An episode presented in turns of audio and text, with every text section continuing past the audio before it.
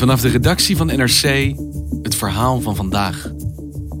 Mijn naam is Thomas Ruip.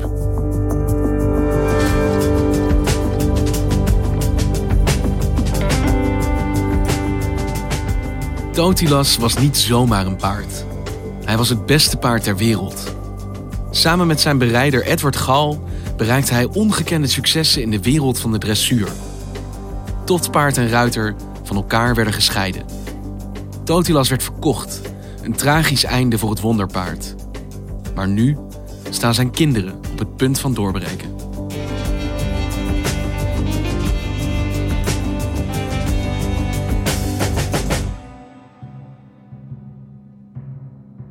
Het was bij de Wereldruiterspelen in Kentucky in 2010. Wereldruiterspelen zijn belangrijke spelen voor de paardensport. Danielle Pinedo is redacteur op de sportredactie van NRC. En we zitten in die grote piste. Uh, 25.000 kaarten zijn verkocht. Uh, dus heel veel belangstelling voor één paard. En dat is Totilas. Het wonderpaard. Edward Gall en Moorlands Totilas. En wat doet Totilas? Totilas is dus een dressuurpaard en het is een heel bijzonder paard om te zien. Het is een zwarte hengst met witte voetjes. Heel krachtig dier. Gespierd, uh, sterk en tegelijkertijd heel lichtvoetig. En dat is heel bijzonder, die combinatie. Dus als hij binnenrijdt, dan valt er een stilte, een deken van stilte. Dus er komt echt een ster binnen daar. Er komt een ster binnen. En een beetje de Ronaldo zeg maar, van de paardensport komt daar binnen. En dan, ja, dan gaat dat sterke, lichtvoetige paard dansen. En uh, gaat al die oefeningen doen.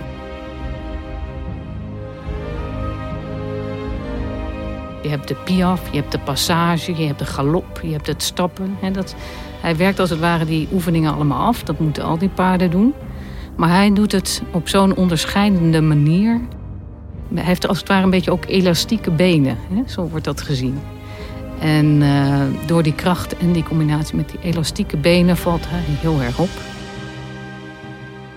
Hij was, uh, zoals Edward Gal zei, helemaal niet zenuwachtig. Hij heeft stalen zenuwen. Dat gebeurt ook, dat paarden zenuwachtig worden van tevoren. Ja, ja bijvoorbeeld door de omgevingsfactoren of, of afgeleid door merries, ik noem maar wat. Maar niet Totilas. Niet Totilas.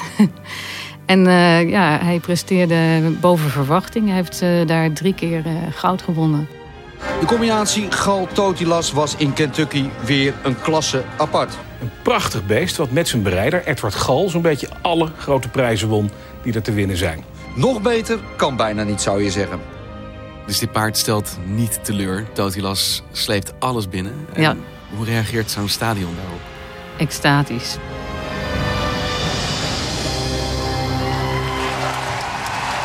Dus iedereen uh, was, was wild van, deze, van dit optreden. Van dit geweldige paard, maar ook zijn geweldige ruiter. Ik denk niet dat Totilas zo goed had kunnen presteren zonder Edward Gal. Dus hij heeft eigenlijk, hebben ze daar alles gewonnen wat er te winnen viel. Alleen het probleem was een beetje hoe beter Totilas het deed. Hè? Hoe meer belangstelling er was van kopers. En in die tijd dat zij zo goed presteerde in Kentucky, gingen er al geruchten dat er kapers op de kust waren.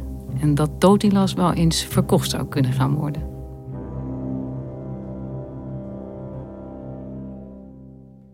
Hey Danielle, waar begint de carrière? Want spreek je van een carrière als je het over een paard hebt? Jazeker. Waar begint de carrière van Totilas? Totilas is vernoemd naar de koning der goten. Dat is in ieder geval wat zijn naam betekent. En hij werd geboren uit een Duitse trakenerhengst en een Nederlands landbouwrijpaard. Dus het is de combinatie van kracht en souplesse, vader en moeder. En was Totilas vanaf de geboorte een bijzonder paard? Toen Totilas geboren werd, was, of in zijn eerste jaar, was nog niet meteen duidelijk dat het een topper zou worden. Het is eigenlijk, zoals Edward Gal zei, een laadbloeier. En hoe begon hij op te vallen? Nou, dat was eigenlijk toen hij zo rond 6,5 jaar oud was. En toen hij dus voor Edward Gal kwam te rijden. En Edward Gal was een gerenommeerd rijder op dat moment al? Die was al een gerenommeerd uh, rijder. Uh, maar het is niet zoals een paard zes jaar is, dat je dan gelijk op het hoogste niveau kunt gaan rijden. Dus je moet hem echt heel langzaam ontwikkelen, met heel veel geduld trainen. Dus er komt heel veel bij kijken. Dus een groot deel van het succes is de manier waarop Edward Gal het paard heeft voorbereid op de top. Want die krijgt een ruwe diamant en hij moet kijken wat erin zit eigenlijk. Precies, ja. En hoe ontwikkelt hun carrière samen vanaf dat moment dat dit paard en deze ruiter samenkomen? Nou, dat gaat vrij snel. Dus ik denk dat uh, Totilas een jaar acht was, negen, toen echt de successen kwamen. Dus eerst wat kleiner in Nederland. Maar na verloop van tijd uh, ook in het buitenland. In uh, het Engelse Windsor um, hebben ze bijvoorbeeld uh, grote successen geboekt en ook echt wereldrecords verbroken. Rumors were spreading about a remarkable horse. A horse that might be a record breaker. Tension filled the air about the arrival of a young stallion called Totalas. Look at that, look at that. You know, he's got to be careful he doesn't hit himself in the teeth with his own knees. Majestic. En uh, toen ook in Kentucky een jaar later. Nou ja, toen waren de verwachtingen al zo hoog. En die heeft hij toen ook waargemaakt. Dus je zou kunnen zeggen, eigenlijk binnen relatief korte tijd heeft hij hele grote successen geboekt. En was hij op dat moment het beroemdste dressuurpaard ter wereld, denk je? Ja, ja, het wordt nou nog steeds zo gezien als het beste dressuurpaard ooit. En na Kentucky?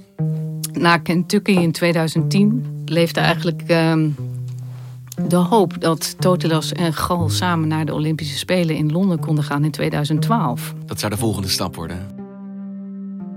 Dat zou wel heel mooi zijn. Dat is natuurlijk wel een doel waar je nu naartoe gaat werken. En uh, ja, we zullen het zien.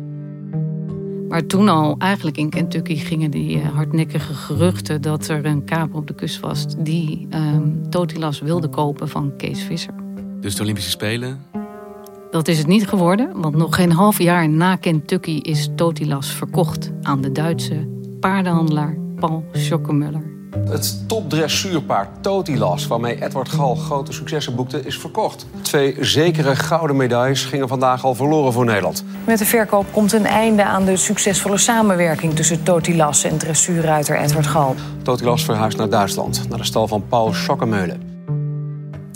Heel Nederland, en ik denk zelfs buiten Nederland, huilde om de verkoop van dit paard omdat juist die combinatie tussen Edward Gal en, en Totilas zo bijzonder was. Dat het echt werd gezien als een harde scheiding.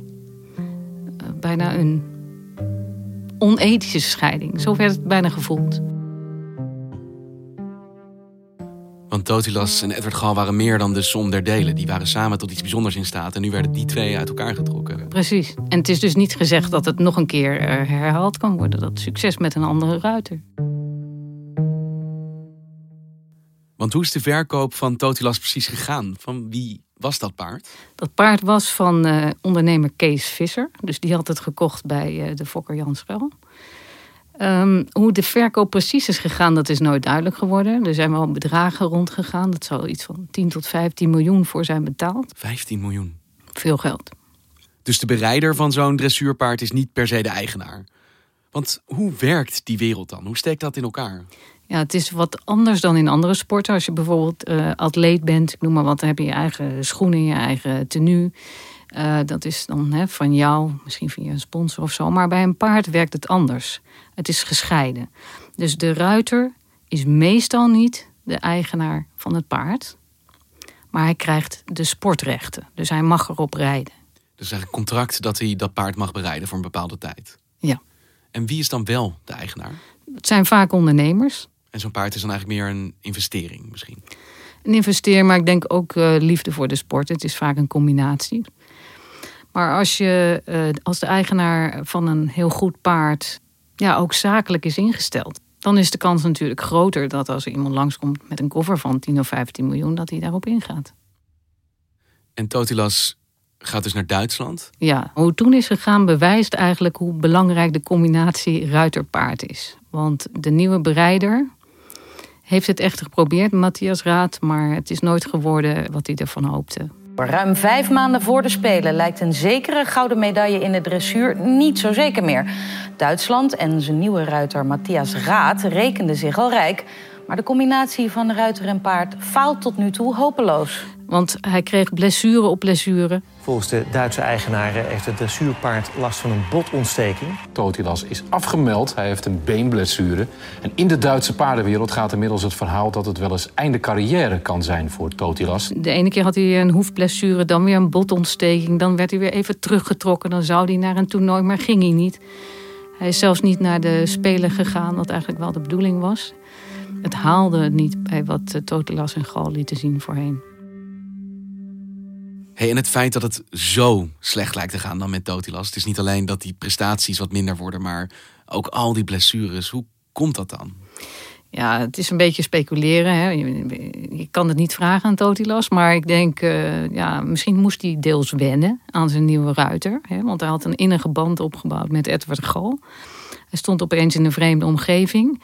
Je gaat nu menselijke eigenschappen plakken op een paard. Maar dat soort dingen kunnen misschien meespelen.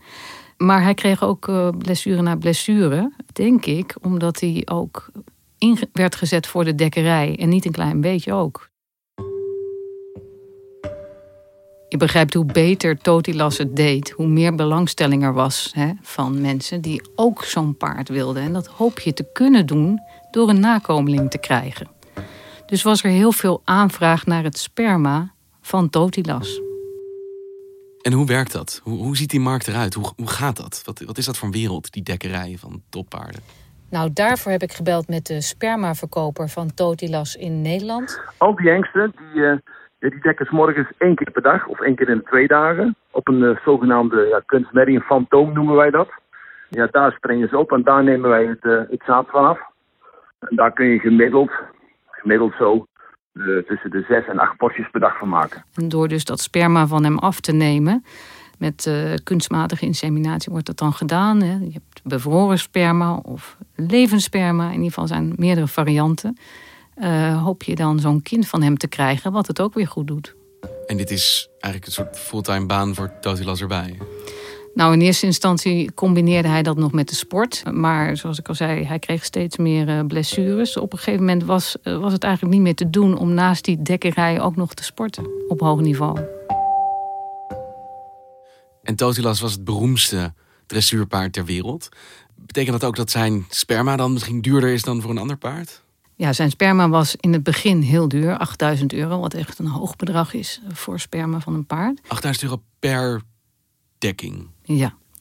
Dus als ik een merrie heb en ik wil een veulen van uh, uh, Totilas, dan kost me dat 8000 euro. Ja. Dit paard of deze combinatie had eigenlijk een soort uh, magische uitstraling. Ja, zijn kwaliteiten, de kleur, ja, alles was compleet. En dat maakt Totilas Totilas. Er was alleen één probleempje en dat was dat Totilas niet meer zo goed presteerde onder Matthias Raad. Dus nam de belangstelling voor het dekken ook af. Hè. Dat gecombineerd met het hoge bedrag wat je moest betalen. Dus dat viel een beetje tegen voor de nieuwe eigenaar.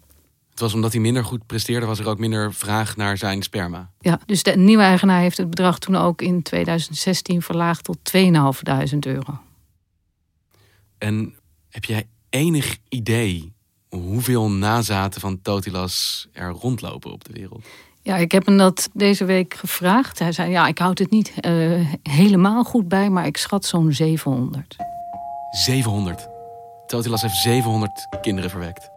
Ja, over meerdere landen. En hoe doen die kinderen het? Want dit was dus de beste, meest veelbelovende, succesvolle eh, hengst die we ooit gehad hebben in de paardensport. Hoe presteren zijn kinderen? Nou, het is niet zo dat als je dus een hele getalenteerde vader hebt, dat je 100% garantie hebt dat uh, hè, als je dat sperma voor die hoge prijs laat uh, aanrukken, dat je dan ook uh, geweldige kinderen krijgt. Maar ehm, het is wel zo dat er nu al blijkt dat de oudste is acht jaar oud.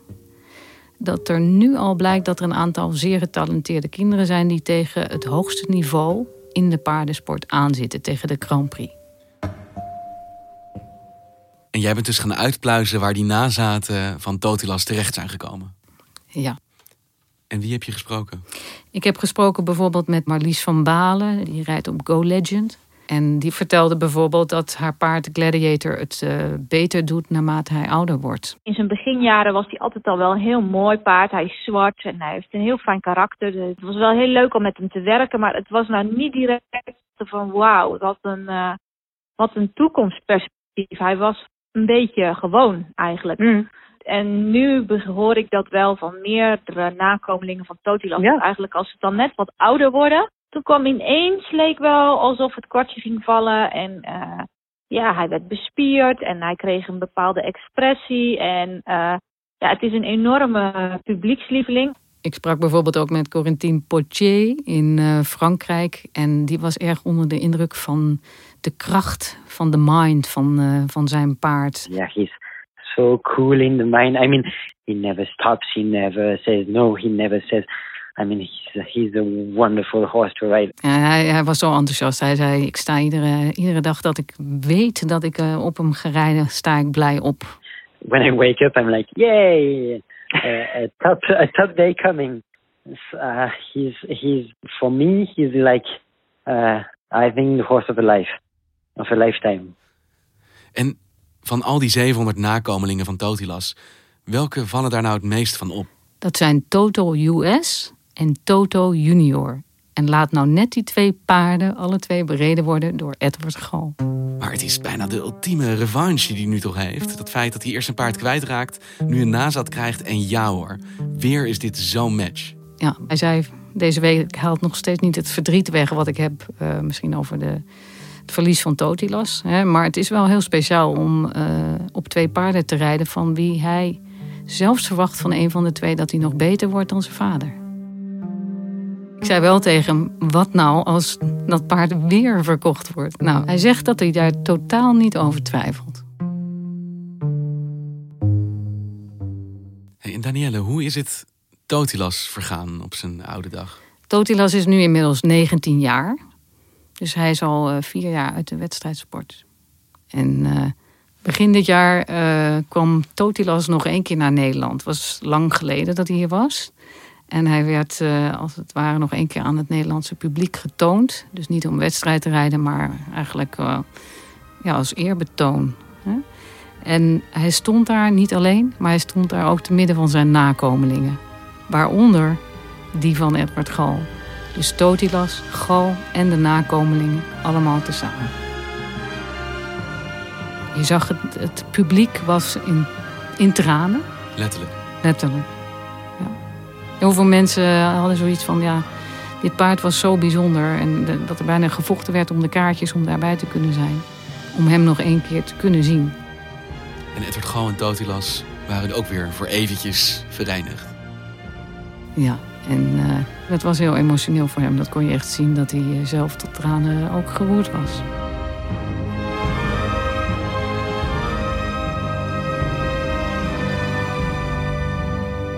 Dankjewel, Danielle.